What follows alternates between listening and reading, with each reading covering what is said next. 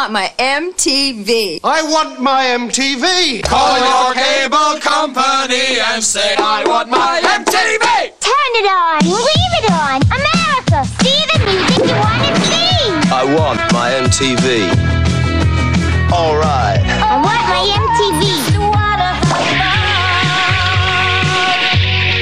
I want my MTV. 24 hours a day on cable TV. I want my MTV, MTV, MTV. Yeah, too much is never enough.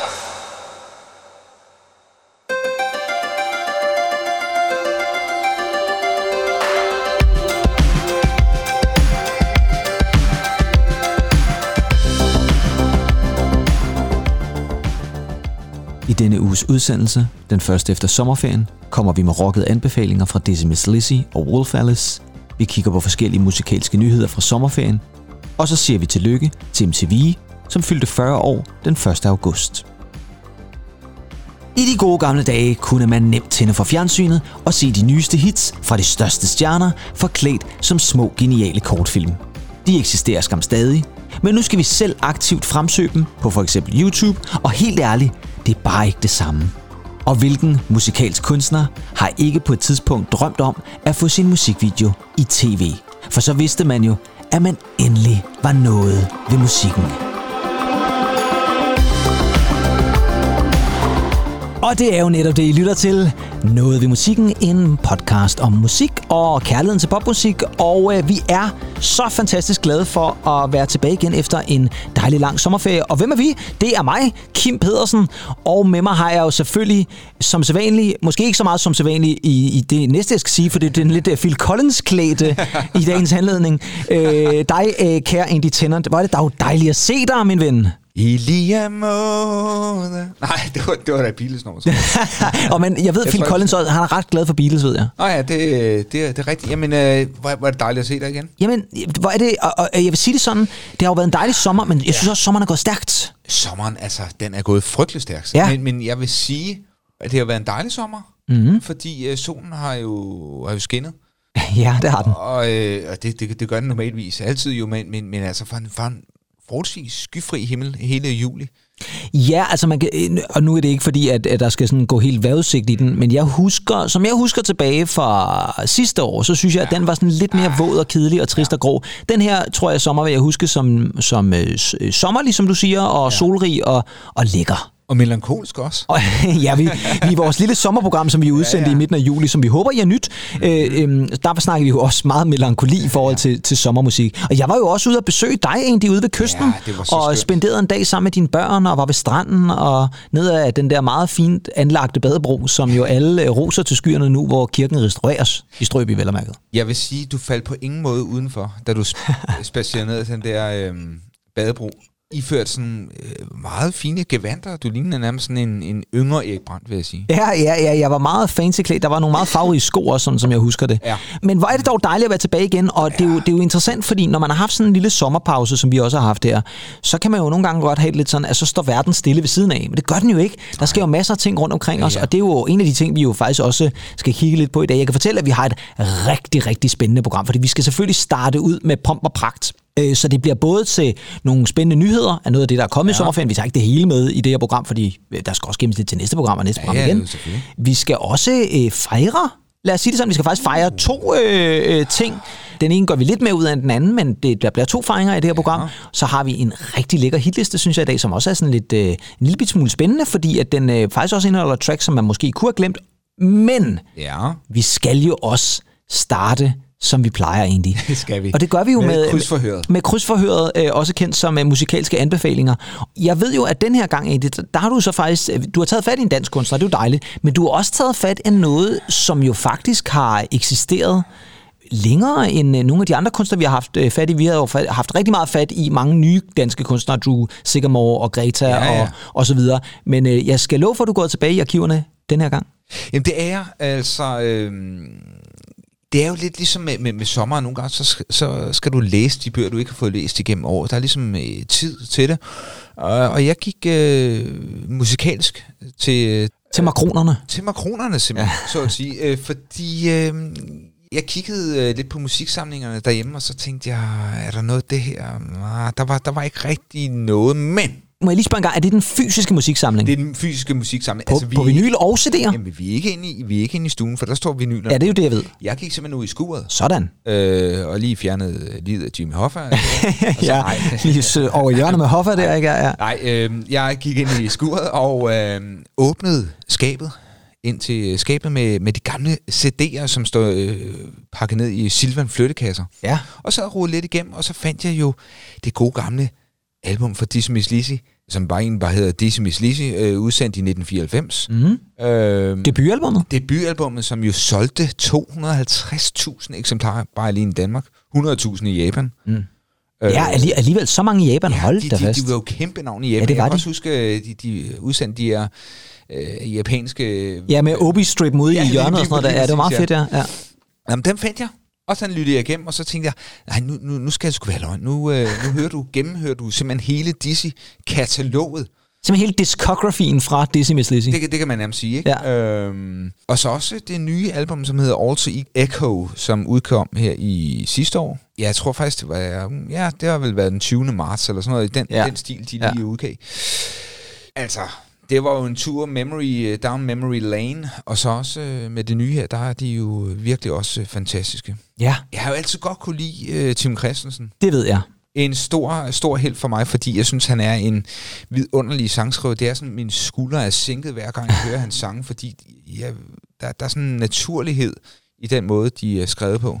Ja, men man kan også sige, at det, jeg ved jo, fordi jeg kender jo også dit forhold til, til Miss Lizzy, og ikke mindst Tim Christensen, og han er jo også en kunstner, som jo ikke lægger skjul på hans øh, glæde ved for eksempel sådan noget som The Beatles. Ja, ja, og, Beatles, Black Sabbath og Led Zeppelin. Altså, tager man ligesom de kunstnere mm. og blander sammen, så øh, kunne du jo have noget... Ja, det er jo ikke sikkert, hvis man...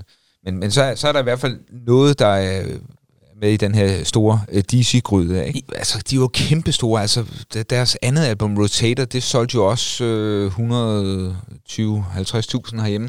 Igen, ud på turné, mm. og øh, de er simpelthen slidt hinanden op. Ja. Øh, Tim Christensen vil også nogle øh, forskellige ting, som de andre ikke vil. Ja. Han kører lidt mere mod, mod Beatles-retning, og Ja. måske lidt mere stille, Ja. og øh, de andre to, øh, Søren og Martin, som de jo hedder, vil egentlig gerne køre den her hårde disse-stil Ja. videre, men det kan ikke ligesom blive forenet med det her, og øh, der er også den tid, hvor de er over i Abbey Road og, og skal indspille. ja. Der er ligesom om, der er magien, der er ikke helt helt. Nej, lige præcis. Øh, så i 98, der, der går de simpelthen i opløsning, ja, men genforenes faktisk i 2010 det er jo det. udkom med Forward in Reverse albumet Ja. i 2016. Ja. Ret pænt Og- modtaget øh, Jamen altså- comeback-album der. Ja, det er fantastisk. Ja. Ja. Det er et skidegodt album faktisk også. Det er øh, produceret af Jakob Hansen, Ja, som man jo kender som en stor metalproducer. det må man sige, ja. faktisk, ikke? ja. Det seneste album her er jo produceret af Tim selv, og har en stadig en karakteristisk øh, Tim Christensen lyd, Ja. men altså også meget mere tungt. Ja.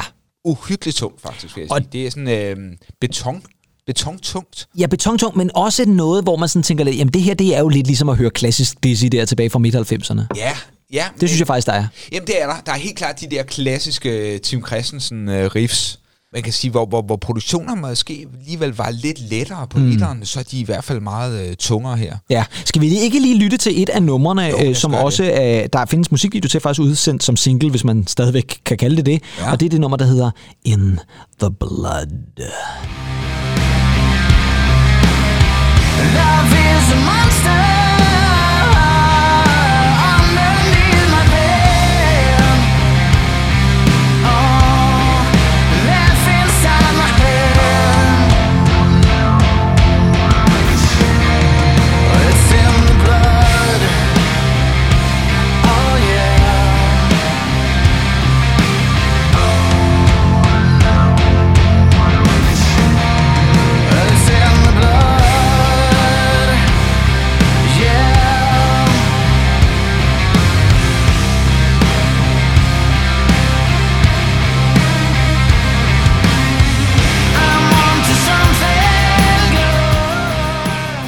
Jamen, det er jo bare en fantastisk uh, Tim Christensen i storform her. Altså, den her klare, blanke vokal, han altid har, og så tilsat det her øh, meget hårde, øh, simpelthen guf for, for Andy jeg jeg sige. det er dejligt at høre ham, og øh, det er jo sådan et menneske, jeg virkelig godt vil øh, tale med en dag. Ja, Altså, ja, jeg fik jo øh, chancen en gang, hvor jeg var inde og få signeret hans... jeg skulle lige til at sige det, for jeg kan da huske, at vi har, jeg har stået og ventet på, at du stod i kø i meget, meget lang tid. Jeg troede nærmest, det var en time. Hvad var inde i Lars Bjørnstræde, tror jeg Ja, faktisk, det det var? var det, øh, ved, sammen med- ved, ved Guf.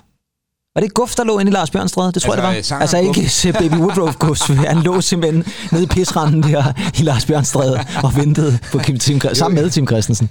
Øh, nej, men øh, nej, jeg mener, det var øh, pladeforretningen Guf, som nogen det måske var kan det. huske, der lå Øh, i og Lars Bjørnstræde. Fremstammede, hvis nok, ja, autograf. Ja, og det er som du plejer at gøre, Ja, når ja. du møder kendte Når mennesker jeg egentlig. jo. Ja, lige præcis, ja. Men, øh, men du fik signeret, var, det var ikke Honeyburst, vel? Jo, det var Var Honeyburst, det der kom, Honeyburst? ja. Wow. Men det var den der tid, og det kunne jeg jo savne jeg sgu nogle gange, ikke? Ja, det altså, man. man. Man står i kø der og får, får snakket med, med folk i køen der, ja. og får diskuteret sangtitlerne og sådan noget, ikke? Jeg vil i hvert fald sige det sådan, at, at Dizzy Miss Lizzy og, og, og Tim Christensen er jo et, et band, som jo var...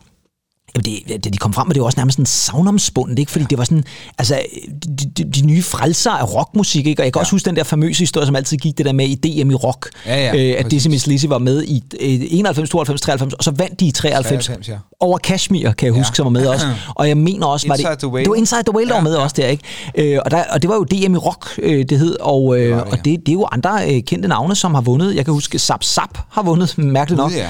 Og så ved jeg, at både Sabia og Nephew vist også har været med i Ja, konkurrencen. ja, ja. Og så blev det jo lavet om til live contest, hvis ikke jeg tager meget fejl. Det er rigtigt, ja. Øh, hvor du faktisk har deltaget, ved jeg. Det har jeg Ja, det har du lige præcis.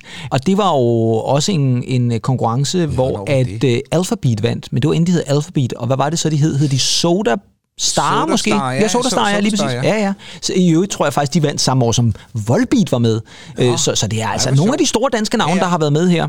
Når man ser Tim Christensen live, den måde, han bevæger sit hoved på, når han spiller, jeg ved ikke, om du lader med til, men der, der er sådan lidt Paul McCartney over. Er det det? Nå, så men det altså, er han, øh, det er jo klart, han, øh, Ja, ja. han, har- han har sin, sine referencer, ikke? Det tror jeg helt sikkert, ja. Øhm, Men fedt, fedt Ja, lige, at, dejligt. at, ja, og godt, at du lige får anbefalet, anbefalet øh, dem også egentlig, fordi det er sgu øh, en vigtig kunstner for Og mig. jeg tænker da, om vi ikke skulle tage en uh, tur i uh, en anden arena uh, næste år, Jo. og måske se dem. Det kunne vi da sagtens. Ja. Ja. Det kunne vi da sagtens. Og så kunne man lave, lave en live-reportage fra, fra, fra arenaen der. det Ja. Det kunne faktisk være fedt, ja. Men jeg har faktisk jo også øh, ja. valgt noget, som er lidt over i rockgenren. Jeg har så valgt ja. at, at tage mod øh, øh, udlandet. Måske ikke for af jer, der har været vant til at høre programmet i England, øh, hvor jeg jo godt kan lide at befinde mig. Mm. Og øh, faktisk taget øh, øh, det, som jeg måske har lyttet aller, allermest til her i sommerferien, øh, som er øh, det her engelske alternative rockband, der hedder Wolf Alice. Og det er et band, som jo faktisk, det er lidt sjovt, fordi at, øh, jeg tror, der er mange, der kender navnet, og jeg tror også, der er mange, der sådan har tænkt på, nå okay, jamen, det, det har vi godt hørt noget af. Men de har altså også eksisteret øh, faktisk i, i den konstellation, de er nu siden 2012, men faktisk helt tilbage siden 2010. De øh, startede med at lave sådan noget lidt akustisk musik, og så fik ja. de et par bandmedlemmer med ind, og så var de fire, og så udgav de øh, deres debutalbum tilbage i 2015, og det øh, var meget, meget ros, der hed My Love Is Cool, og gik ind som nummer to på den enkelte albumchart, så det var sådan lige fra starten af, der egentlig var knald på. Og det var sådan rock, men rock sådan er den der karakter af, at det faktisk lød lidt af 90'erne, lidt ligesom med Dizzy Miss Lizzy. Åh, ja, Man kan ja. godt høre, at, at det her det var nogen, som, som faktisk havde nogle referencer på plads. Med andet album med Visions of Life, som kom i 2017, der skal jeg love for, at de ramte de høje navler, fordi det vandt simpelthen Mercury-prisen, som jo er den mest prestigefyldte musikpris i England. Det er simpelthen den, man giver for bedste album det, ja, det, ja, det ja. år. Og den vandt de simpelthen, hvilket jo er ret sindssygt, øh, af sådan et forholdsvis ungt og nyt band. Og hvordan følger man så op på det? Jamen det Ja. gør man jo ved at lave det album, der hedder Blue Weekend, og det kom her 4. juni i år, og det er, ja, nu ser jeg et band, det er sat med et godt album. Hold fast, hvor er det et rigtig godt album. Den har stadigvæk den der rock-nerve, der er øh, mange forskellige rock-genrer i, for der er både den der alternative rock, Ja. som faktisk måske kan sende nogle sådan associationer tilbage til sådan noget garbage og sådan noget fra 90'erne. fedt. Portishead og sådan noget. Portishead faktisk Ja, også lidt ja. på noget af det, ja. Så har vi over i den der lidt mere indie-poppede genre, Beach House, du har selv Ja, nævnt dem ja, faktisk. ja, det er præcis. øh, jeg synes også, at man kan sådan fornemme nogle gange, at vi er over i sådan noget nærmest en helt øh, sådan Tame Impala, som jo også Ja, har nogle ja. rock-referencer en gang imellem. Så, så, så, så det er meget bredt. Øh, men det, der skete med det her album, det var, at det gik direkte ind som nummer et i England. Selvfølgelig gjorde det det. Det solgte øh, 36.000 kopier, og det er altså fysiske kopier, ja. den første uge, det var udgivet, og det var rekord indtil videre i år.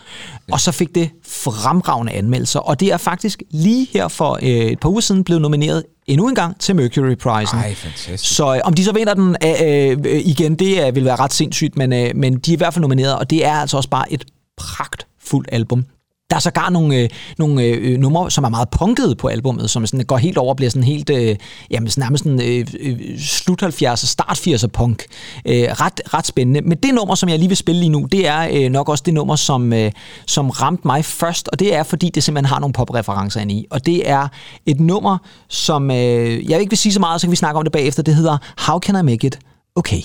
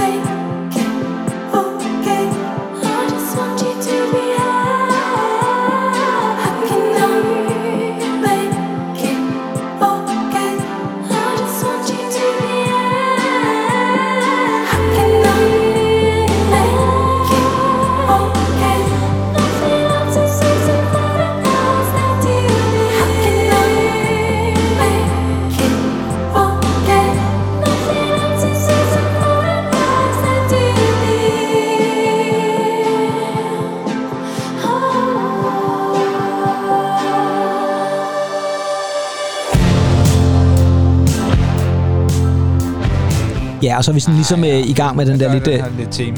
ja, lige præcis, lige præcis. Det er der, hvor der kommer lidt den der Tim Impala-lyd ind over der, ikke? Ja. Det er, Der er også lidt... Øh, jamen, det er et melodisk øh, svendestykke, det her. Det er jo et fremragende nummer. Altså, det, er jo, lyder godt. Ja, og det er sådan lidt, altså, jeg ved jo godt, når man sådan gør året op, hvad har så været det bedste album, og hvad har det været, altså det her, det vil være en af mine yndlingstracks for året øh, 2021, der er slet ingen tvivl om. Det er et rigtig, rigtig godt nummer. Og det bliver ved med sådan at vokse, det her nummer. Det er sværisk øh, sådan, vo- vo- vo- vokalarbejde. Det, det vil være sådan et Cocktail Twins over det, noget af det. Jeg skulle lige til at det sige det, og der er nemlig i det her nummer, der er rigtig meget Cocktail Twins, og Ja. vi har jo haft fat i dem før, du har jo kommet med anbefaling, ikke? Ja, lige og det er lidt sådan, man kan godt mærke de der lidt, øh, det der lidt øh, sværiske øh, og shoegazer-agtigt, Ja, der også præcis. ligger lige præcis det her nummer.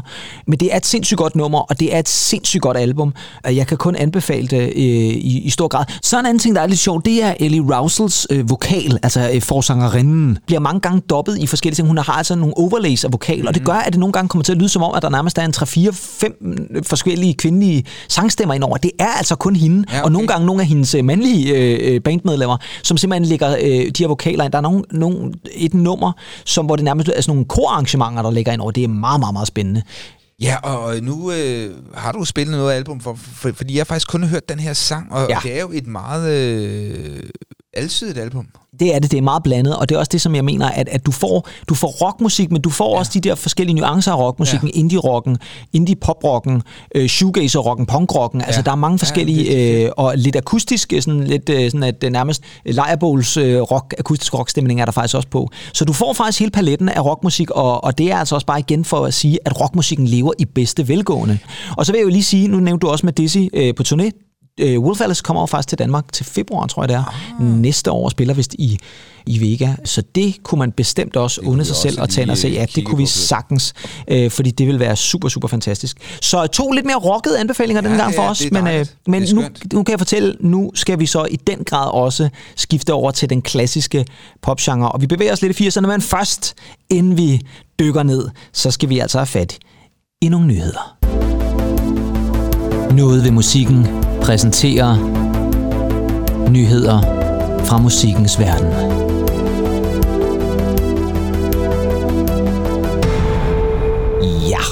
Og så øh, har vi jo nu øh, ligget i dvale i øh, lidt over en måned, faktisk halvanden måned, og der er jo kommet mange nyheder.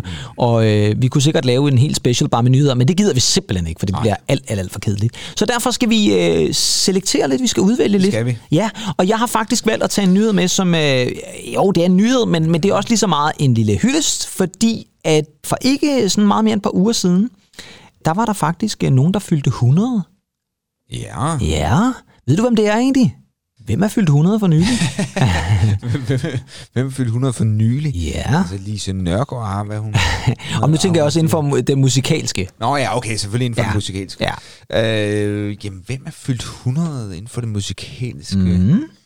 Øh, jamen, øh, hvem kunne det være? Uh, jamen, jeg, Den er også, den er også Den, lidt den, tricky. er, den er meget tricky. Den er tricky. Jeg, jeg vil jo sige Paul McCartney, men... Ja, og jeg vil faktisk sige, Ej. det, det er ikke Paul McCartney. Jeg tror også, han vil være lidt ked af at være 100 allerede nu. Men, Han er øh, vist 78. Ja, det er noget af den stil, ikke? Men han har faktisk lidt med det at gøre, kan jeg godt okay, sige allerede ja. nu. Fordi det er faktisk i juli måned 1921, at den engelske musikforretning HMV åbnede sin første butik på Oxford Street i London. Oh, Ja, His Master's One. His Master's Voice har simpelthen eksisteret i 100 år. Og det er jo en pladeforretning, jeg ved Gud i himlen har brugt, øh, tror jeg, hvis jeg lægger timerne sammen, så er det nok også dage, jeg har brugt derinde. Helt vildt. Det er en fantastisk musikforretning, og øh, det er altså, jeg synes, det er sindssygt at tænke på, at den startede i 1921. Altså, det er jo vanvittigt. Jamen, det, det, 100 år har der ligget en, en musikforretning, af, øh, øh, i, der hedder HMV i øh, det engelske. Og har den haft øh, samme placering der i, øh, i London på Ja, Oxford det, Street? øh? nej, det har det jo faktisk ikke. Og der ligger jo faktisk, bliver jeg også nødt til at erkende lige der ligger jo faktisk ikke nogen på Oxford Street lige i øjeblikket. Nej, Den har faktisk været lukket siden 2019, fordi Nej. de senere år har faktisk været lidt hårde for HMV. Men de eksisterer altså stadigvæk, og jeg ved, at de offentliggjorde faktisk i forbindelse med 100-års jubilæet her, at de vil åbne 10 nye forretninger i England inden for det næste års tid. Blandt Okay. andet vil de rigtig gerne have en igen på Oxford Street. Øh, De har bevæget, placeret, øh, be- be- bevæget sig lidt ned og op og ned af Oxford Street, men ligger, øh, den, der lå derinde, lå faktisk i den oprindelige bygning, altså den, som rent faktisk var Ja. åbnet. Jeg tror, det er 365, tror jeg nok, ja, Oxford okay. Street, noget at være helt Ja. sikker. Men du nævnte jo selv Paul McCartney. En af de ting, som HMV jo faktisk var først til at have, det var faktisk, de havde sådan et, et pladetrykkeri, så de trykte plader. Og en af de første demoer, inden at Beatles udgav deres første musik, det blev faktisk øh, trykt inde i HMV på Oxford Street. Ej. Ja, og det var faktisk den demo, som jeg tror nok, de tog med ned i Abbey Road og spillede for George Martin, da han var ansat dernede. hvor vildt. Ja, og overbeviste ham om, at ham, dem skal vi sgu da lige lave et eller andet med. Ikke? Så, så de øh, er jo meget øh, vigtige i HMV's historie. Og så øh, skal vi jo heller ikke glemme, at HMV jo faktisk har haft en butik i København. Kan du huske den? Den kan jeg godt huske. Ja, den lå inde på Øh, Strøget. Ja, den lå inde på strøget. Ja, super fed forretning i øvrigt. Ret fed, og jeg kan også huske, øh, jamen det var, det var, også, det var også den der tid, hvor man, øh, eller hvor jeg i hvert fald gik meget i musik-t-shirts, ikke? Ja, i den grad, ja. Og det havde de jo altså bare legnet op der. Ja, de havde musik og de havde rigtig mange, øh, de havde rigtig meget musik, kan jeg huske. Og så ja. tror jeg faktisk, og øh, det kan godt være, der er nogen, der øh, må, må korrigere mig bagefter, men jeg tror faktisk, jeg kan huske, at Shirley arbejdede i HMV inde på strøget, inden hun øh, slog igennem som musiker. Så der har også været profilerede, øh, kendte mennesker, der har stået inde bag, bag Ja, disken inde i, i HMV, som vi jo sagde på dansk. Men HMV er der altså stadigvæk på trods af de 100 år, øh, og det er altså på trods af en tid, hvor at jo pladeforretningerne jo virkelig er Ja. udsatte. Der synes jeg bare, igen, vi bliver nødt til lige at kippe med fladet og sige, lad os da satse på, at det bliver til 100 år mere, men jeg kan tvivle. Mm. Ja, altså man kan jo sige, da, da vi virkelig tog meget til London der i startnullerne, Ja, øh. tal for dig selv, med ven. jeg tager skam stadigvæk derover. ja, det, det, jeg skal ikke fornærme dig. Nej, det vil jeg nok sige. Jeg, jeg ved godt, du, øh, du, Det er kun coronaen, der har spundet ben for mig der. du, er- du er jo fandme derovre. Øh, I tid og utid. Er det fem gange om året? Det er sådan noget lignende, ja. Ja. Nej, men øh, så, så sige, dengang vi var, øh, især os to, Ja, sammen ja. i, i starten, yes. Jamen altså fyldt, inden, altså fyldt med mennesker Fantastisk. i, i uh, HMV, og man, man opdagede ny musik, og der var også hele, altså øh, første scene var jo hellig DVD-markedet. Fuldstændig, ja. Det var, det, Det var var sådan et vanvittigt. DVD-slaraffenland. Jeg kan huske, vi altid skulle over for at lede efter dokumentarfilm øh, og så videre. Ja, ja, og, og, og andre film. og andre film, ja. Øh, men, men under alle omst- omstændigheder, så var det i hvert fald altid en oplevelse at gå i HMV. Ja, det det. Jeg kan også huske, vi nåede faktisk også at få Virgin uh, Megastores med, inden den lukkede ned, øh, og Richard Branson brugte alle pengene på at komme op i rummet. Nå ja, ja, jamen, var det ikke... Øh, Det var den, der lå nede ved Piccadilly. Ja, var det ikke noget med, at den skulle lukkes, for han faktisk lige kunne få Ja, han lige kunne få de det? sidste boks for at komme op i. Altså, ellers så kunne han kun få komme lidt deropad, og så fik han lige den sidste tur det deropad. han lige lukket. Han lukkede lige det sidste, ja. Den var ikke øh, lige så god... Jo, den var okay, men, men, men helt klart. Ja, men HMV var bedre. Ja, ja. Ja, det var det. Og det vil jeg også sige det sådan, ja, der er meget musik, jeg har Jeg har lyttet opdaget. til. Jeg har opdaget lige præcis, ja. kan ja. du Keen? I den grad med Kima Bedshaped, Bedshaped lyttede, og jeg kan også huske The Streets. Og Milo. Øh, og Milo, ja, In My Arms. Oh, den skal vi snart have fat i igen egentlig, for det er gud hjælp med et godt nummer. Men det var altså HMV. Tillykke til HMV. Øh, Så har vi en nyhed, som øh, jeg jo desværre øh, må sige er lidt, lidt, jeg ved ikke om den er ligefrem sørgelig, men den er lidt trist, fordi der kom frem her i løbet af juli måned, at ifølge Danmarks statistik.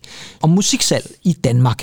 Fra 2009 til 2019, så kan man sige, at dansk musik er jo øh, rigtig godt med digitalt, og det er jo dejligt, men hvis vi ser på danske kunstnere i forhold til udenlandske kunstnere, så er de danske kunstnere altså efter. Øh, de danske kunstnere står for cirka 40% af det solgte, og øh, udenlandske kunstnere for cirka 60%. Og det er jo øh, lidt ærgerligt, fordi vi kan jo enormt godt lide danske kunstnere, og synes jo også, at de skal støttes i en høj grad, men det er altså de udenlandske kunstnere, som stadigvæk bliver lyttet mest til, når vi snakker streamingtjenester. Men det er vel heller ikke rigtig overraskende, er det det egentlig? Nej, det er det vel ikke. Øh hvis vi tager fat i Spotify for eksempel, så, Ja. så er der jo masser af unge mennesker, der, der lytter til Spotify. Jeg tænker bare, at de bliver influeret så meget af, af de sociale medier, TikTok og whatever, øhm, så de måske øh, hører mere øh, engelsk musik end, øh, en, en, en øh, danseorkester, eller hvad fanden vil øh, sætte på. Ja, jo, og så tager du faktisk også fat i en af de øh, lidt mere interessante ting, fordi når vi snakker om øh, streamingtjenesterne, Spotify for eksempel, så er det jo mange playlister, og, og jeg tror playlisterne, som jo står for rigtig mange af det, som folk lytter til, har- indeholder nok også mange gange flere udenlandske numre end danske numre. Mm, det kunne jeg godt forestille mig i hvert fald, uden at være ekspert på det område. Det var i hvert fald sådan en ting, som jeg lige stødte på og tænkte, åh, det er også bare lidt ærgerligt et eller andet sted, at, at det er. Dog vil jeg så sige, at, at jeg kunne godt have frygtet, at det var endnu lavere øh, rent øh, tal i forhold til danske musikere. Men gerne øh, noget mere... Øh, Ja, noget mere dansk musik. Mere dansk musik. Det jeg har i hvert fald... Øh, jeg har i hvert fald gjort min øh, del. Jeg, nu, nu nævnte jeg jo Dizzy, men Ja. jeg har godt nok også lyttet meget til Drew Sycamore Ja, men det er i, også- i ferien. Det er, det er jo sgu- rent,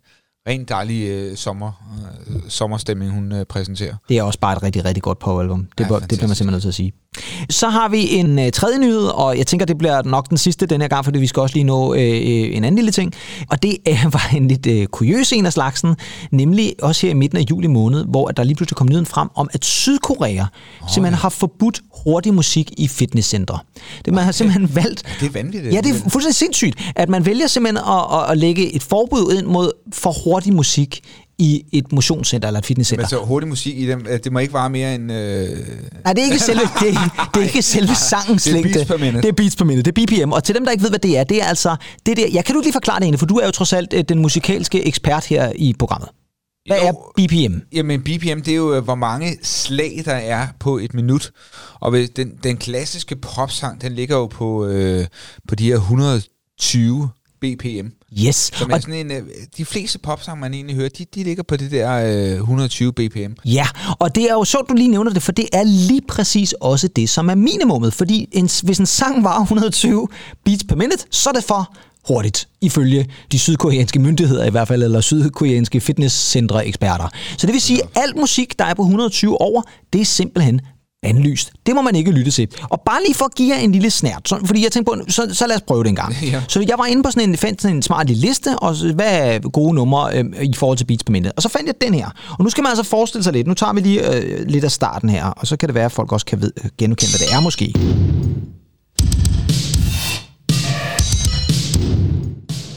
Ja, det er jo så... Til dem af jer, der ikke kan høre det, det er Depeche Mode med People are People. Og det måske, skal måske sige, nu prøver I sådan bam, bam, bam. Det er ikke sådan, at vi skal faktisk op i bam, bam, bam, bam, bam. Så det er det tempo, vi kører i 120, ikke? Ja. Skal vi lytte lidt til, til omkvædet også måske egentlig, sådan, så folk også rent faktisk kan få lov til at høre lidt Depeche Mode? Det er ikke så tit, vi spiller dem. Her får I lige lidt omkvædet også.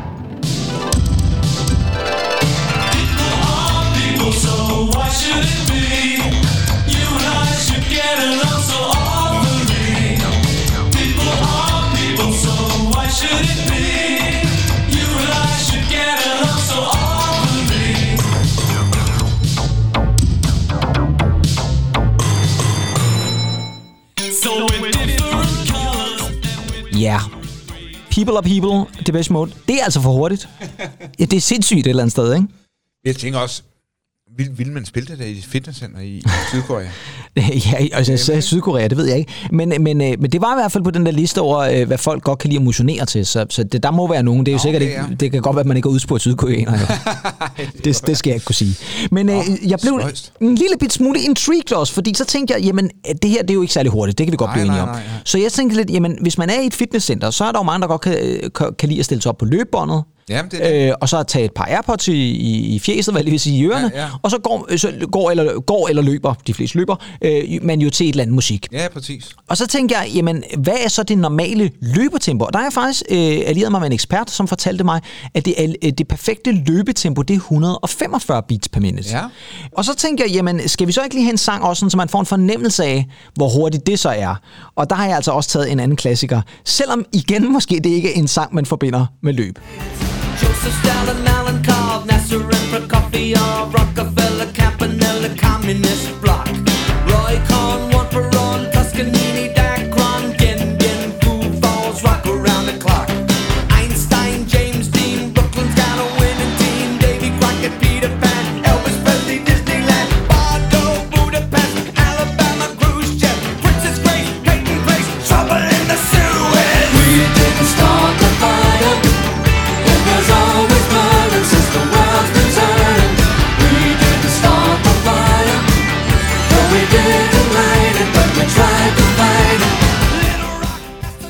så skal jeg ellers love for, at Billy Joel han fortsætter med verdenshistorien Ja, her. Der faldt vi jo direkte ind i 50'erne her, tror jeg faktisk, det var.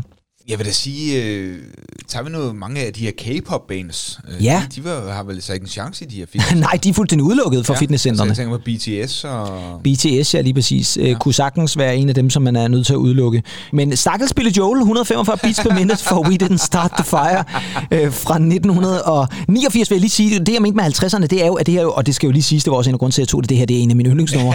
Ja, og det er også et vanvittigt nummer rent ja, lyrisk, fordi det, han nævner i virkeligheden bare i kronologisk rækkefølge fra 45 op til 89 verdenshistorien. Ja, det er sådan ret vildt et eller andet sted. Og få det til at rime også, det synes jeg også er ret imponerende. Lidt ærgerligt, at han ikke øh, udsendte i 93, så kunne han måske fået EM. med. Ja, så kunne han have fået Christoph Dent eller sådan et eller andet med i... Hvorfor 93? Var det ikke 92? Jo, men han skal også lige mixe det. Nå, ja, selvfølgelig. Der skal lige lidt tid i studiet også, det er rigtigt, ja. Øh, og, og jeg tænker faktisk også et eller andet sted, giv videre om Billy Joel ikke, når han, hvis han laver det her live stadigvæk, det må være svært at huske alle, alle ordene, tænker jeg. Der er mange ord og mange begivenheder. Ja, det, det, det er klart. Øh, tror, de giver det, giver, giver det ham sådan nogle øh, billeder dernede, så han kan være lidt han med. sådan en, en teleprompter, ligesom øh, Brian Wilson, han havde, da jeg så ham i... Ja, det kan godt være, han har brug for lige præcis det nummer, kunne jeg godt øh, tænke, måske forestille mig, at man har brug for en teleprompter. Ja, det er, det er et- dejligt, dejligt nummer. Ja, det er det. Men øh, under alle omstændigheder, det her det er altså også alt for hurtigt til et øh, fitnesscenter Syd, øh, øh, Sydkorea. Så, øh, så igen en lidt underlig nyhed, men det handler altså selvfølgelig om, at man sveder meget i, og så kan der være corona og sådan nogle ting og sager, så det er simpelthen en restriktion. Men det er ikke en restriktion, jeg tænker, der kommer i danske fitnesscenter, når de på et eller andet tidspunkt... Er de åbnet? Det ved jeg faktisk ikke. Er de Jo, åbnet? jo, det, det er det jo. De er åbnet. Det siger lidt om, hvor lidt jeg går i fitnesscenter. Ja, egentlig også for lidt, ja. Ja. Men sådan er det. Okay. Øh, og nu øh, skal vi jo så øh, videre i programmet, og det skal vi til et segment, som vi holder ekstremt meget af. Mm. Og det er også, fordi vi får lov til at sige tillykke.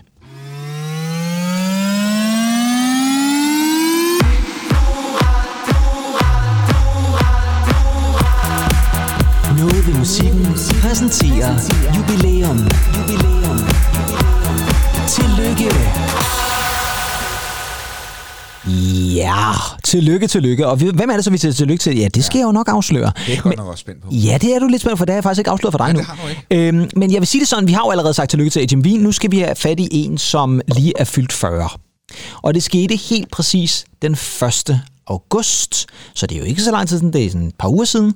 Og øhm, det er øh, noget, som jeg vil sige det sådan. Vi har ikke snakket så meget om det her i noget ved musikken, men da det gik op for mig, at det var 40 år siden, så tænker jeg, jamen det er vi jo simpelthen nødt til at med, fordi det er noget, der betyder sindssygt meget for vores begges musikalske opfattelse. Og Andy, du skuffer mig jo faktisk lidt i dag, fordi i går der gav jeg dig jo et lille clue, som faktisk måske skulle have lidt dig lidt på øh, vej til, hvad det var, vi skulle snakke om, for jeg sagde, jeg vil iklæde mig noget tøj, som har noget med det at gøre.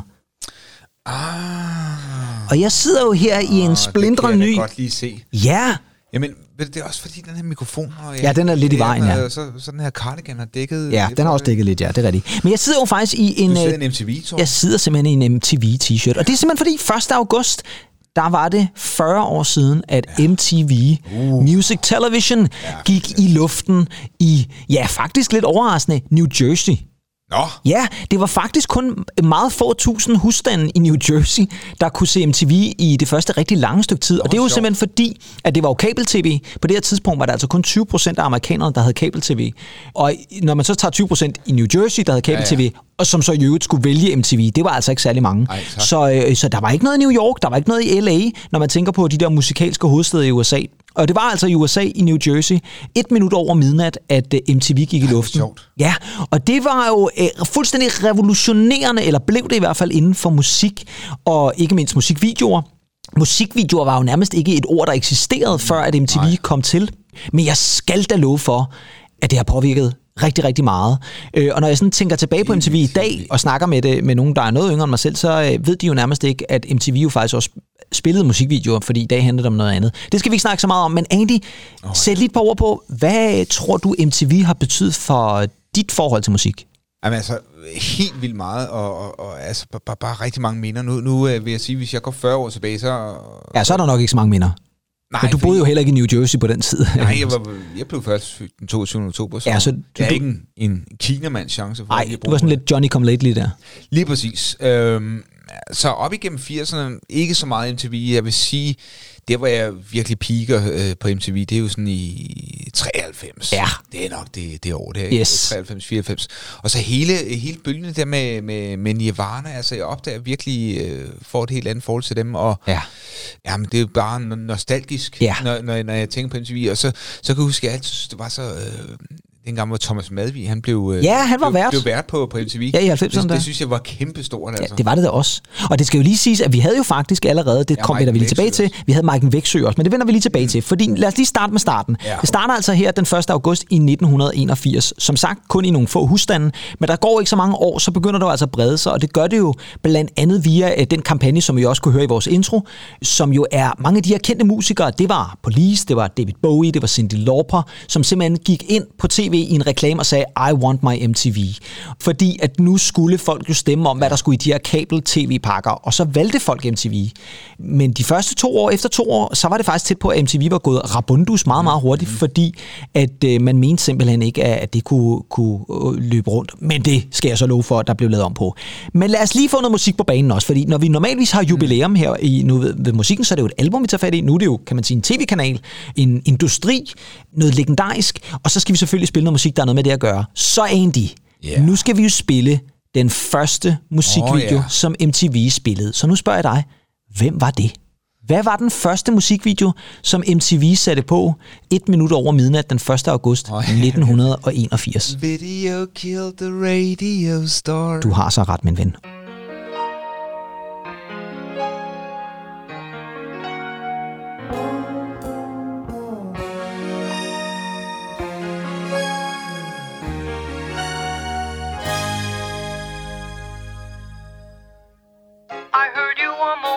Back in 52. Lying awake intently tuning in on you. If I was young, it didn't stop you coming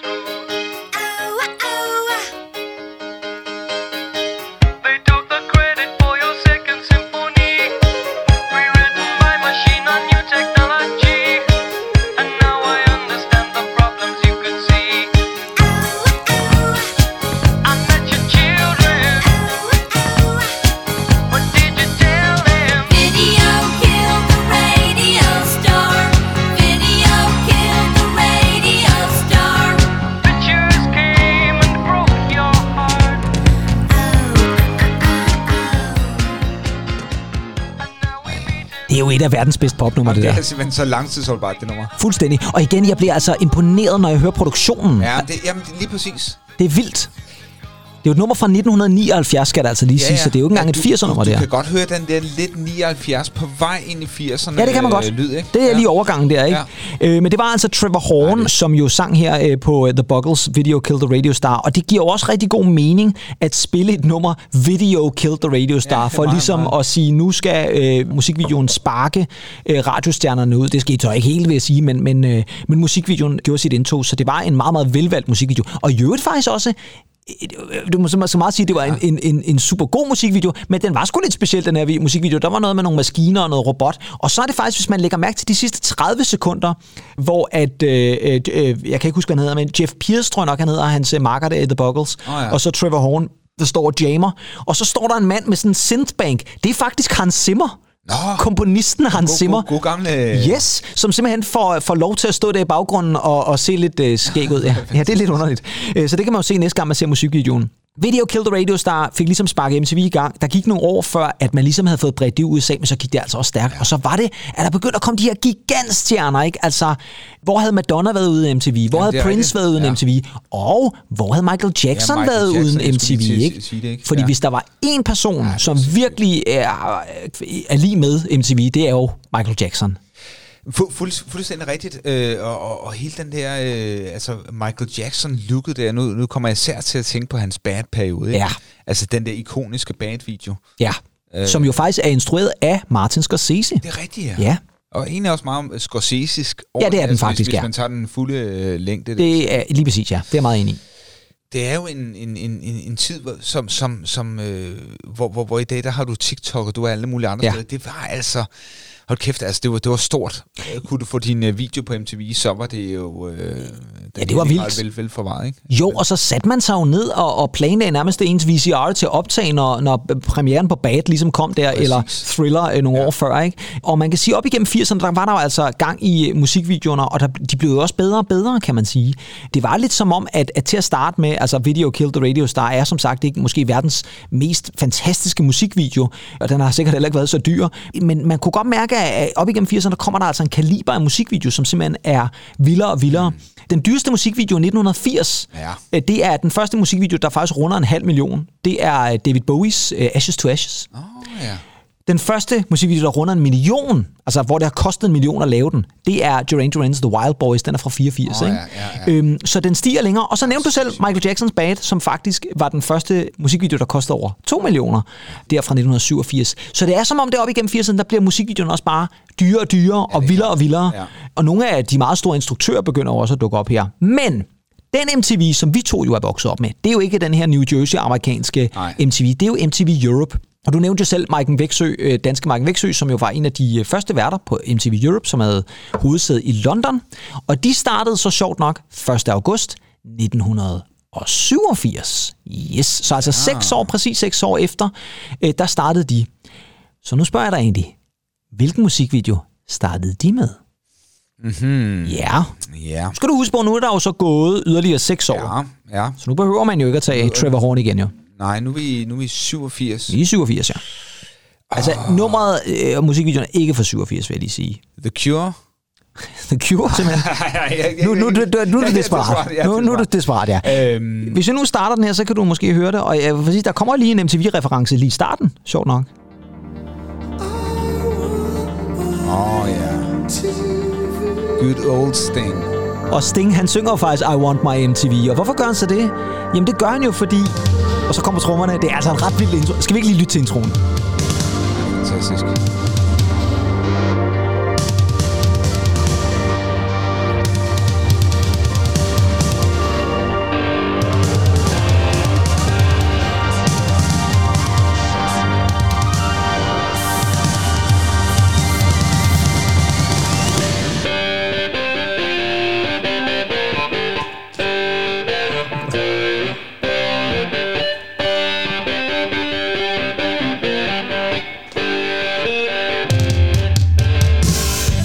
Og så skal jeg sgu ellers love for, at Så er der faxe fad, du. Så er der faxefad med Mark Knopfler og banden. Dire Straits Money for Nothing er selvfølgelig... For det er jo en rigtigt, sang, ja. som jo faktisk øh, omhandler lidt MTV. Ja.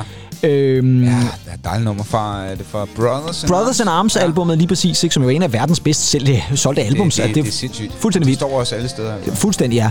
Øh, og det, der er lidt skægt ved det her nummer, er jo, øh, mange har tænkt det, øh, faktisk tror lidt, misforstår faktisk teksten, og tror, at det er Mark Knopflers kritik af MTV. Det Ja. er det altså ikke, fordi øh, guderne skal vide, at Dire Straits altså også blev spillet rigtig Ja, meget på MTV. bestemt. Efter sine så er det en mand i en tv-forretning, som han mødte en gang, som så gik rundt øh, og brokkede sig lidt over det, han så på MTV. Og hvis I skulle være i tvivl eller har glemt lyrikken, så kommer der lige sådan en lille potpourri her fra Mark Knopfler selv. That ain't working.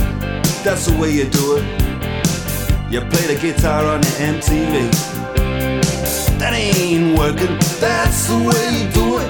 Money for nothing and your chicks for free. Money for nothing.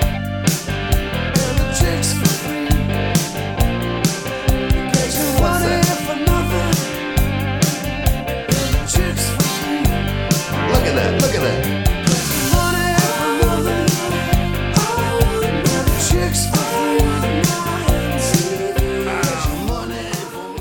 det var en sex, man øh, kunne begå sig med i dag. Money for nothing. And the chicks for free. And the chicks for free. Jamen, jamen... Altså, chicks for free, det er jo ikke til på en, en gårdbutik. På sådan, nej, det er ikke og, kyllingerne, øh, du får gratis. Sådan nej, nej, et par lande der. 12 landeæg gratis der. Øh, nej, det, er du, jamen, det kan da godt være, at det, at det kan være problematisk i dag, men man må jo sige, at 80'erne var også ens betydende med de store Ja, stjerner. Og sådan, ikke? Altså, hvis man vil gå ind og, og læse en rigtig, rigtig sjov øh, anekdote, så øh, er det om den konkurrence, som MTV havde i på et eller andet tidspunkt i midt-80'erne, øh, omhandlende Van Halen, hvor man kunne vinde en, en øh, jeg tror, det var sådan en koncert- og VIP-oplevelse med Van Halen. og, og vinderne, som altså var i USA, jamen, øh, jeg ved ikke hvad, altså de blev jo nærmest øh, stangstive og øh, tog narko, og, og den ene af dem fik en groupie med i bad, og jeg ved ikke hvad, altså det er fuldstændig en sindssyg historie. Det, det, det, det var vanvittige præmier dengang. Det var ligesom, at vi har snakket om i mixbladet. Ja, i mixbladet, det er groteske præmier. Ja. Øh, og sidder og, og, og, og ryger øh, hash med, med Eddie Van Halen. Det må alligevel have været ret, ret vild oplevelse et eller andet sted. Men øh, altså Money for Nothing, Dire Straits, øh, var selvfølgelig den første musikvideo, som MTV Europe spillede, fordi den jo på en eller anden måde handler lidt om MTV. Ja. Ikke fra Mark Knopflers synsvinkel, men, men, øh, men alligevel sådan, øh, en, en, der måske er lidt kritisk, og alligevel sådan lidt, nå jamen altså, det er jo det, vi gør. Og da MTV Europe startede, jamen så kom der jo altså også gang i Europa. Øh, Jeg synes, jeg kan erindre, at jeg begyndte at se sådan MTV der igen i starten af 90'erne. Jeg synes, ja. 91 tror jeg nok. Så er det rigtigt, så kulminerede ja, det sådan... altid lige lidt senere. Ja, du kommer lige lidt senere. Du er lige et, et par år efter, ikke? Men, men, ja. men så sådan 2-93 stykker der, ja. der var jeg også øh, fuldbyrdet øh, MTV-fan, og øh, kunne sagtens sidde og se MTV 5-6 timer om dagen. Så vidt jeg husker det i 90'erne, der sker der jo også det, at du får de her musikvideoer til, altså, altså for soundtracks. Ja. Hvor, hvor du så er lidt, lidt, klippet mellem Ja, fra filmen, ja, lige og så, præcis, ja. Og så lidt tilbage til bandet, og så lidt ind i filmen igen. Det er rigtigt, ja. Og de starter, ja. jeg vil faktisk sige, de- de starter faktisk allerede i, i, i 80'erne. Nu sad, vi havde jo en snak i går om, om de, de Phil Collins outfit. Og tilfældigvis, fordi det der er så, jo er så sket, det er jo, det snakkede vi også om lige før, MTV er jo ikke rigtig musikvideoer længere. Nej. Men der er jo så kommet to kanaler. Jeg kan i hvert fald tage to kanaler. Den ene hedder MTV 80's, og den anden hedder MTV 90's, og det er verdens bedste tv-kanaler. Jeg siger ja. det bare. For de spiller ikke andet end musikvideo fra 80'erne og 90'erne, og det er vanvittigt. Det er altså to forskellige kanaler.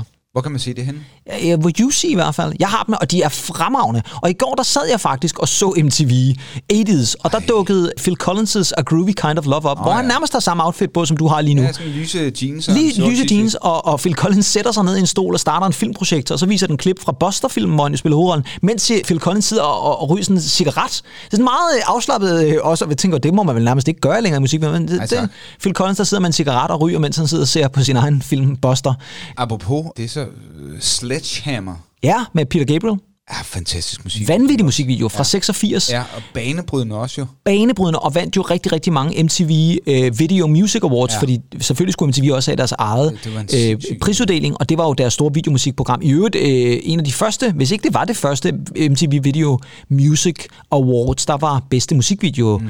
Ahas Take On Me, som jo Nå ja. også er Ja, den en er legendarisk 80'er video. Ja, det, ved du hvad, jeg har jo lige vist den øh, for ekstra lang tid siden til mine børn, og de var fuldstændig vilde med den. Jamen den er også, den holder sgu bare den stadig. bare, ja, det gør den altså. En, en fantastisk historie, og ja, Yes.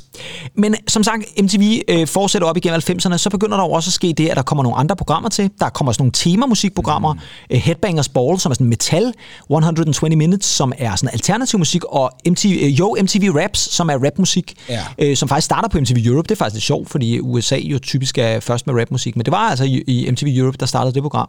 Og så sker der også det i op igennem 90'erne. Der begynder så at komme sådan noget som øh, det første reality-program nogensinde. Real World hed det. Det er det, Det første reality-program. Men der kommer jo selvfølgelig også en af mine favoritter, og jeg har jo faktisk også, det har du heller ikke lagt mærke til i dag i øvrigt, det siger Ah, lidt om, hvor hvad lidt du kigger på mig. Beavis Butthead? Beavis Butthead, jeg har taget Ja, min Beavis. Butthead sko på i dag også. Ja. Og, øh, og det var altså også et fedt program. Øh, Det kunne jeg altså godt lide. jeg Øh, elsker Beavis. De, de var vanvittige. Nogle gange, så, så de, de var så øretæven bydende. Fuldstændig, ja. Men samtidig så sad de og så noget meget fed uh, musik. Hvad var Ja, ja, det det? Hvad, er det? Hvad er det, der står på t-shirten? Er det ACDC og Metallica? ADCD. ja. ACDC. ACDC, ja. Ja, det er ACDC og... Og Metallica. Jeg tror, ja, det er Metallica. ja. Jeg kan så ikke huske, hvem der har været på. Hvad, om Butthead har den ene eller Beavis. Vi havde jo faktisk engang en elev her på skolen, der lignede Butthead. det er rigtigt. ja. Nå, men øh, det, skal vi så, det skal vi så ikke detalje i. Nej, men, men, men det jeg vil sige, øh, øh, jeg kan huske, om det var, det hedder en Ray Cokes. Ja, Ray, Co- Ray, Ray Cooks, ja. Cooks, ja. ja. som havde sit Most Wanted-program der om Ja, aftenen. fan, fan, fantastisk, ikke? Fantastisk, og der var Ja. nogle virkelig ikoniske værd. Steve Blame, som lavede nyhederne også. Ja, Paul King, som jo også var sanger. Ja, præcis. Ja. ja det, var, det var fantastisk. Ja, og så var der- og, og det her med, øh, jeg kan huske, der var uh, Take That, var inde i studiet. Ja, kunne med Ray Cooks. Ja, så, De så kunne gemt du- noget luft i en krukke, eller Ja, hvad du, du kunne minde, uh, vinde deres ånde. Ja, det er Det var sindssygt. fremragende. Så, så, så Gary Barlow der, ånden i glas. Ja, Jamen, det var fantastisk. Og det var nemlig rigtig, rigtig god. Sådan en lidt talkshow med, med musik, ja, musikalske. Men altså, som sagt, MTV fylder 40. Og jeg tænkte, hvis vi lige skulle spille et stykke musik mere, så tænker jeg, nu har, snakker vi om musikvideoer. Så nu spiller vi så selvfølgelig også verdens dyreste musikvideo. Mm. Har du noget bud på, hvad det kan være egentlig? Jamen, er det ikke noget meatloaf? Nej, jeg gætter forkert igen. Jamen, det, jeg, jeg, Ej, jeg, jeg, ved, jeg ved, er jeg, ved- ikke jeg, ved- Meatloaf. Jamen, jeg ved det godt, når, når jeg hører det, fordi det er sådan... Øh, Det tror jeg, du gør. Du kender nummeret med sikkerhed. Men, ja, Arh, jeg fristes også til at sige... Øh, Jeg hjælpe lidt at sige, at den er fra 95. Ved du hvad, jeg tænker, at øh, nu giver vi, nu starter jeg den, og så øh, tænker jeg faktisk også lidt, det er faktisk en ret voldsom start, det her. Ja, det er meget få nav- øh, numre, der starter sådan i nærmest tinnitus indbydende, øh, som det her nummer gør det. ja, selvfølgelig.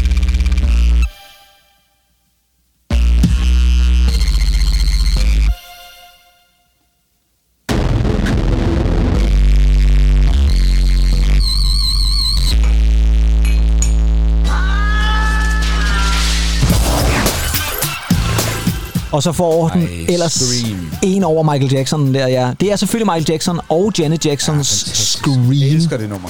Den er instrueret af Mark Romanek, som jo var en skidedygtig musikvideoinstruktør, som også instruerede øh, Madonna og så videre, ikke? Jeg husker det der spil, de spiller. Ja, de spiller sådan et uh, science fiction uh, virtuelt, sådan ja. Ja. nærmest et virtuelt for, uh, bordfodbold, der sådan ja. oppe i rummet, eller Ja. oppe i no, en rumskib eller sådan noget. Den kostede 7 millioner dollars, og er stadigvæk den dyreste musikvideo, op. nogensinde er lavet. Det er, hvis man omregner det til penge i dag, så er det altså 12 millioner øh, kro- øh, dollars. Danske kroner. Ja, 12 millioner dollars. 12 millioner dollars. Yes, øh, det er altså øh, Ja, for- for- det er en lille indie-spillefilm, du kan lave for det jo. Og jeg tror nærmest, den nye Billy August-film om øh, Karen Bliksen er, er Ja. billigere end det jo. Altså. Ja, det, jamen, det er jo, altså, det er jo, det er jo, det er jo en musikvideo, der varer, hvad, 5 minutter? Ja, sådan noget lignende, ikke? Ja. ja. Og det er jo et eller andet sted også, igen, som vi snakker om tidligere, måske også bare wow. logisk, fordi Michael Jackson og MTV på den måde hænger så meget sammen. Øh, men øh, I skal jo heller ikke snydes for nummer, så jeg tænker, skal vi ikke tale lidt om egentlig? Oh, yes. Lad os gøre det. With such confusion, don't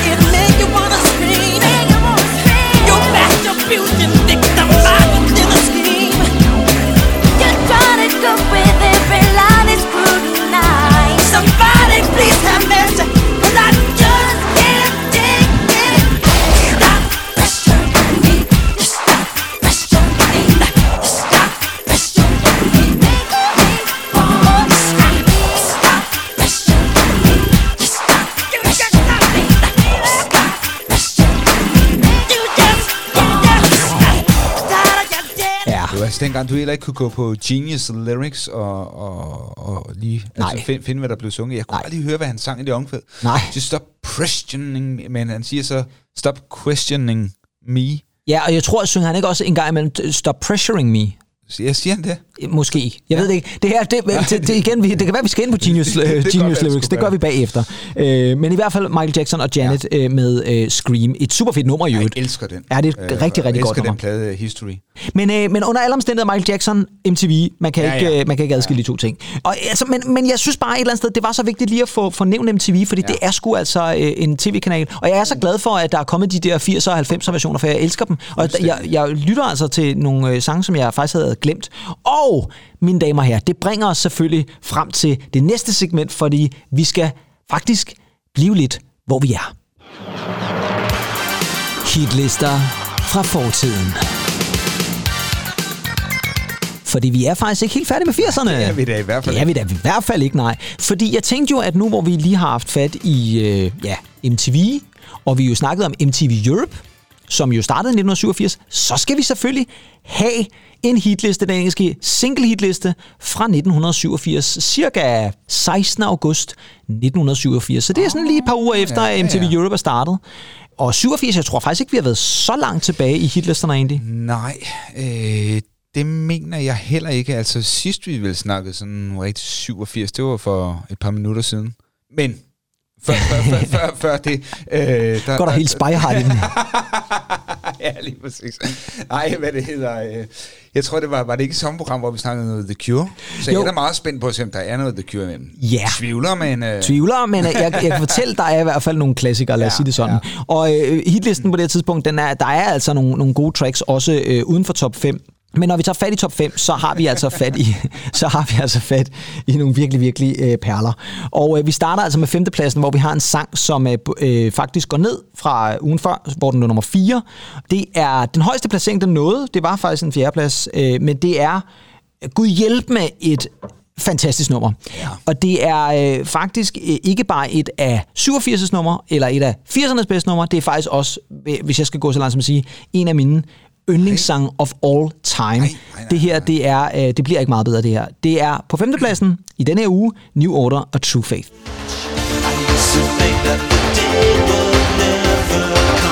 See the light in the shade of the morning sun. My morning sun is a drug that brings me near to the child I lost, replaced by fear. I used to think that the day would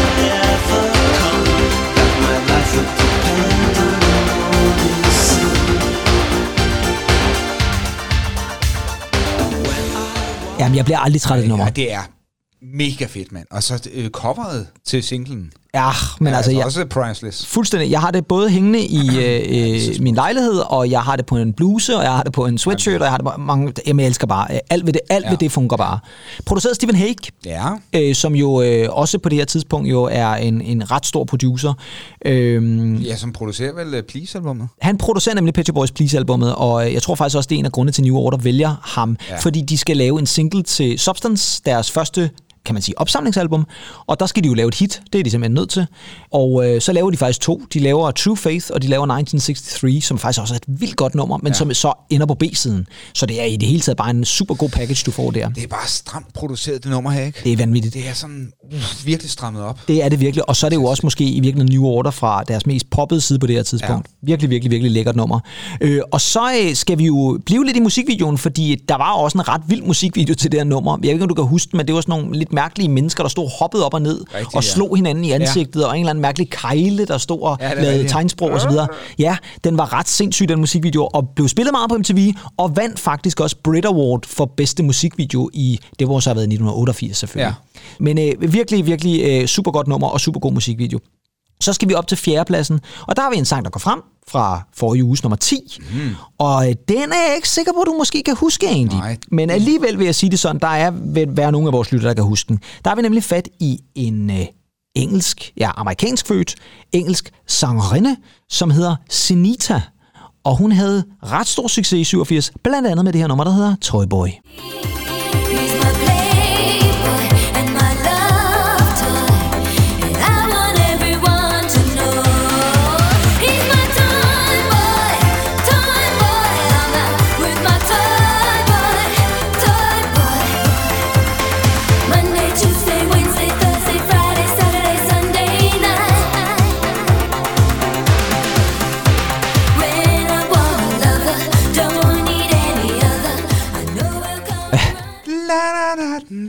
Ja, det er sådan næsten Kylie Minogue det var- på en eller det anden måde, det ikke?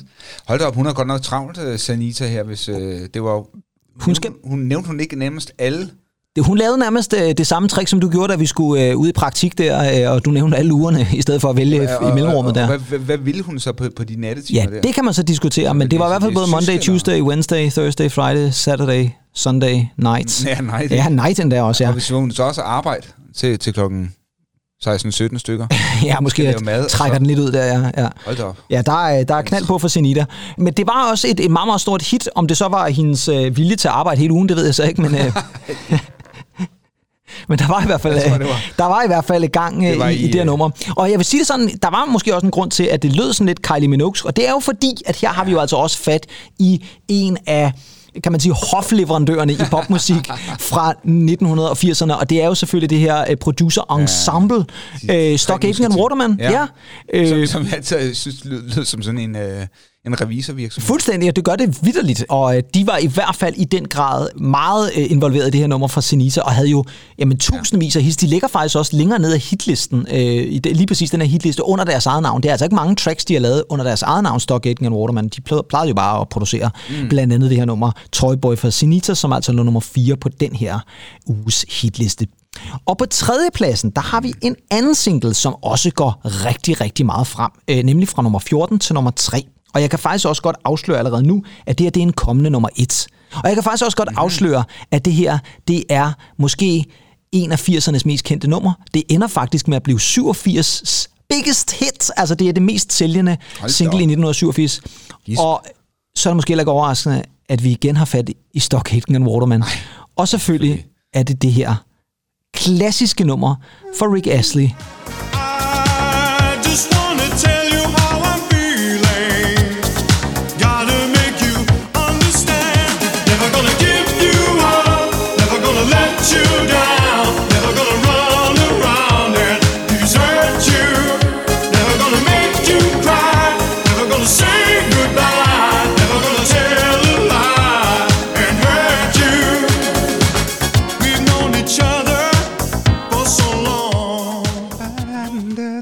så kommer det engelske svar på Kermit ellers øh, ned igen der, øh, Rick Astley. Jeg altid synes, at hans stemme var i den der... Ja, altså, det var sådan lidt, øh, lidt, lidt sjov. Øh, men jeg vil i det hele taget sige, at alt ved det her nummer fungerer jo fuldstændig. Altså, Ja, hvis, man, hvis man skal nævne ja. Stock Aitken Ja. and Watermans svendestykke, Jo, så er det jo nok den her.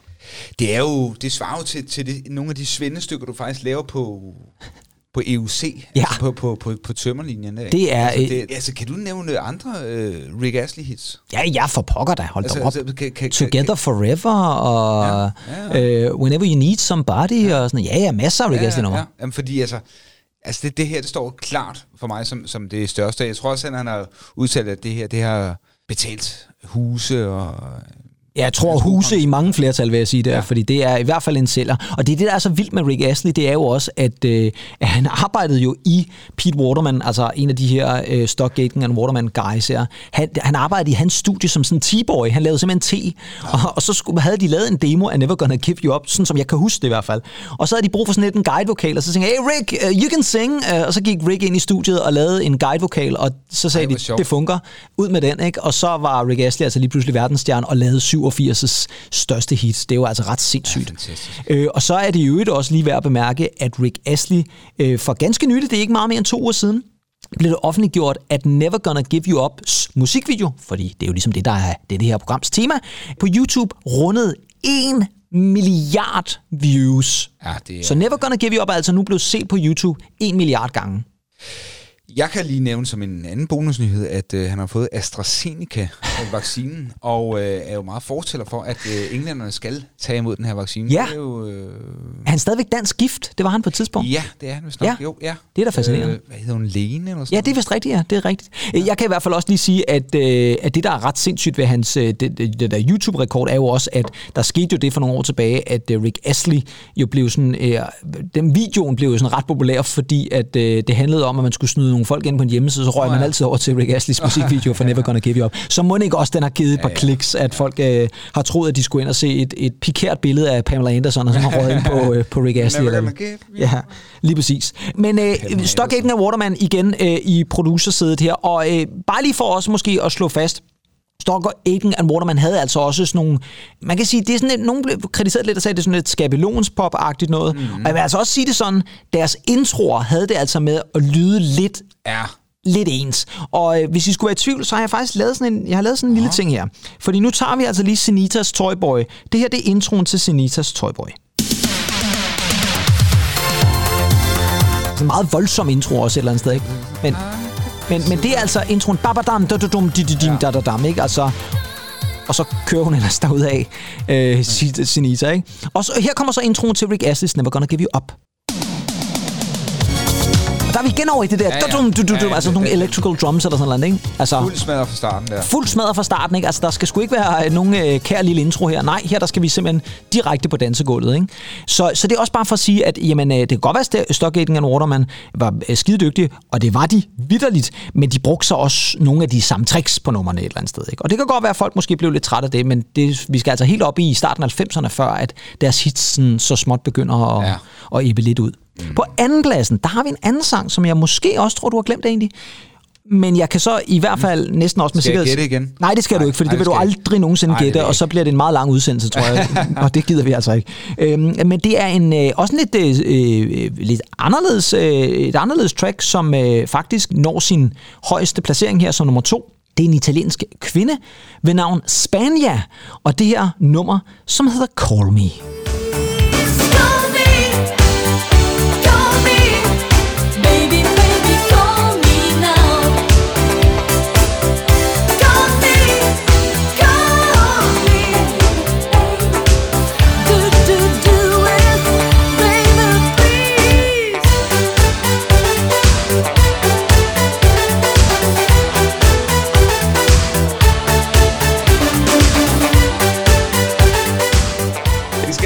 med det der. Jeg elsker simpelthen det jeg, riff. jeg, jeg kan godt huske det nummer. Der, der er bare sådan lidt uh, Per Gessle uh, over melodien i, i det sample, du spillede. Ja, det er der nemlig Det er rigtigt. ret sjovt. Jo, og jeg synes også- hvad svenske sangerskrivende over? Det kan da godt være. Jeg synes også, det minder sådan lidt om sådan noget tidlig one-two eller sådan noget lignende. Jeg kan godt Ja, få sådan ja, noget så- one-two sagtens. læse sådan et nummer Ja. her, ikke? Det var i hvert fald et øh, meget, meget, meget stort hit der i 87 Spania på andenpladsen med Call Me, som jo går op fra sidste uges tredjeplads. Og så er vi selvfølgelig nået til førstepladsen, for den skal vi selvfølgelig have med også. Det ville være lidt ærgerligt at bare kortliste det her, tænker jeg, for det gider vi ikke mere. øh, og det er ellers på trods af, at vi faktisk har haft fat i vedkommende før, ja. men det gør ikke noget, for vi kan sagtens spille noget mere. Mm. Og det er også et album, vi faktisk lige nævnte, eller du gjorde i hvert fald lige et kort øjeblik, og det er altså også et meget, meget stort hit fra 87. Men det er også et nummer, som jeg faktisk altid har været en lille smule undret over. Øh, okay. Men den tager vi bagefter.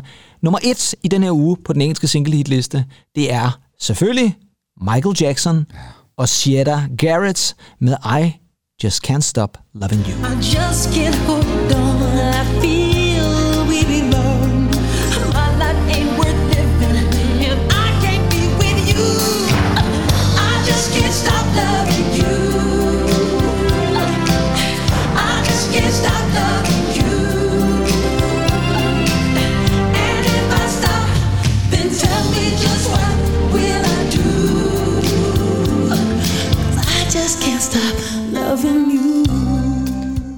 Yes. Ah, dejligt nummer. Ja, det er et dejligt nummer, og det var faktisk også, øh, det havde jeg egentlig ikke tænkt over, men det vil så sige, det er jo faktisk en anden duet, vi spiller med Michael Jackson. Før var det jo med hans søster, og nu var det ja. altså øh, hende her, Sieta Garrett. Det, der altid har Ja, dejligt. Ja, det er et dejligt nummer, men det, der altid har undret mig lidt, det er, at det her det er jo faktisk også er første singlen fra Bad.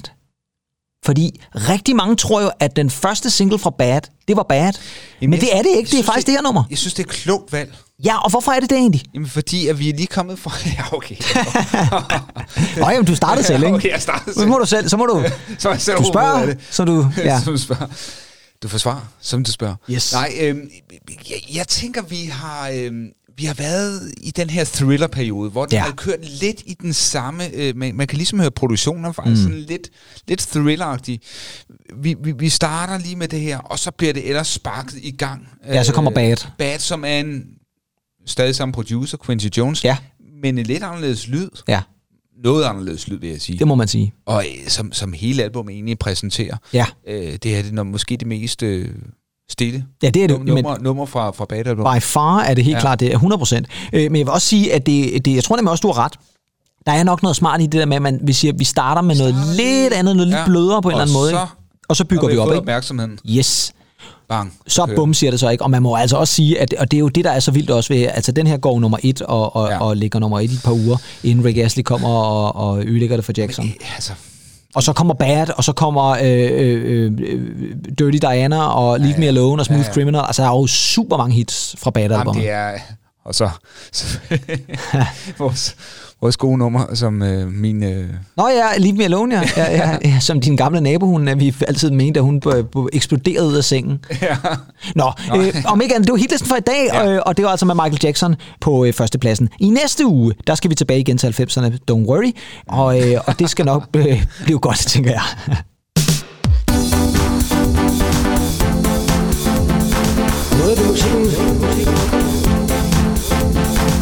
Her kommer Ja, og så skal jeg da ellers love for, at vi øh, kom godt i gang øh, fra sæson jeg også. 2 her. Vi er jo et eller andet sted er gået i gang med, det, egentlig. ja, det er vel egentlig sæson 2. Det kan man vel godt kalde Altså, det. fordi øh, sæson 1 slutter jo altid med en, lige op til en sommerferie. Ja, ja, det gør, ja, eller, ja, det gør den nogle steder, nogle steder, det- det- og det- måske også til en vinterferie eller en Ja. juleferie eller sådan noget. Det er i hvert fald sådan, at Ja. ja. vi er jo sæsonbetonet eller, Ja, eller er noget, det er vi i hvert fald nu. Ja, vi altid. og i sæson 2, men en god start altså. Der er noget fødselsdag, noget MTV, vi har noget mm. Dizzy, vi har noget Jackson, vi har øh, øh, en reference til din gamle nabo, altså det kan næsten ikke Ja, blive ja. bedre, tænker jeg. Og jeg tænker også, der er jo snart et øh, jubilæum undervejs igen. Ja. Nemlig øh, vores kære vært her. Ja, uha, da, da, da, da, da. Og det, er- Pedersen. ja, det er noget værre noget. Men jeg tænker jo faktisk, der, der sker jo nemlig det, fordi man kan sige, vi, nu havde vi jo øh, MTV, der fylder 40, det er jo dejligt, øh, men det gør vi jo også egentlig, begge to gør i vi. virkeligheden. Øh, jeg tager første stik, og du tager andet stik, og det vi ja. faktisk har tænkt os at Og jeg gøre, har vi, faktisk lige fået andet stik. og du har lige fået andet stik, øh, og det har jeg også, så vi er øh, good to go, om man så må sige. Ja. Men vi er ikke helt eksakt på nu, hvad der skal ske, men vi tænker faktisk, at vi laver sådan to birthday specials. Den ene Åh, ja. udkommer jo altså så øh, i august, og den anden udkommer i oktober, så det bliver sådan part 1 og part 2, ja. som vi udgiver sådan med godt og vel to måneders mellemrum. Og det, der prøver vi altså at tage lidt fat i øh, vores, øh, måske øh, lidt mere musik fra vores kant af, og øh, så kommer vi jo faktisk også til at kigge lidt på nogle hitlister fra 1981, skal jeg også godt love. Der skal vi altså langt tilbage i tiden, Andy. Altså, 22. oktober 1981. Ja. Måske øh, 27. virkelig... august, ikke? Og 27. august 1981, ja, lige præcis. Men, men jeg synes også, det, det er jo spændende, som vi allerede har givet hinanden øh, hånd på nærmest i dag, at vi skal ud og se en masse, masse musik Ja, i, for pokker da. i sæson 2 her. Vi ved, hvad vi skal give hinanden i fødselsdagsgave, kan man sige i virkeligheden. Ikke? Ja. ja. Og det er jo dejligt, altså husk det der med at komme ud og, og, og nyde musikken. Jeg vil i øvrigt også sige, at øh, hvor har det været fantastisk at se, der har været så mange nye lyttere, der er kommet til her i løbet af sommerferien. Øh, det er vi meget imponeret over. På et Ja. tidspunkt var vi jo nærmest øh, op som nummer 11 blandt alle musikpodcasts på, på iTunes. Ja, det, det bliver jeg helt øh, forundret ja. og beæret over. Så gå ind og like os, gå ind og lyt til os. Vi er så glade for det. Ja, det gør det. Det kriller. Det er helt rigtige sted, som man siger. øh, og, øh, og, det, Og det er i maven. Og det er i maven, selvfølgelig. Der er jo ikke noget at tage fejl af der, vil jeg sige.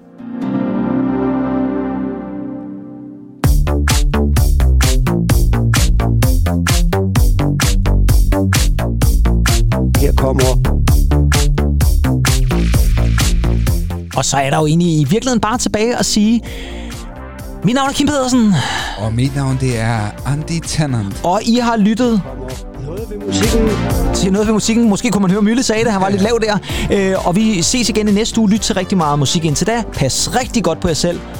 Ha' det godt. Hej hej. Bye bye. Her kommer noget ved musikken. Musikken, musikken, musikken, musikken. musikken.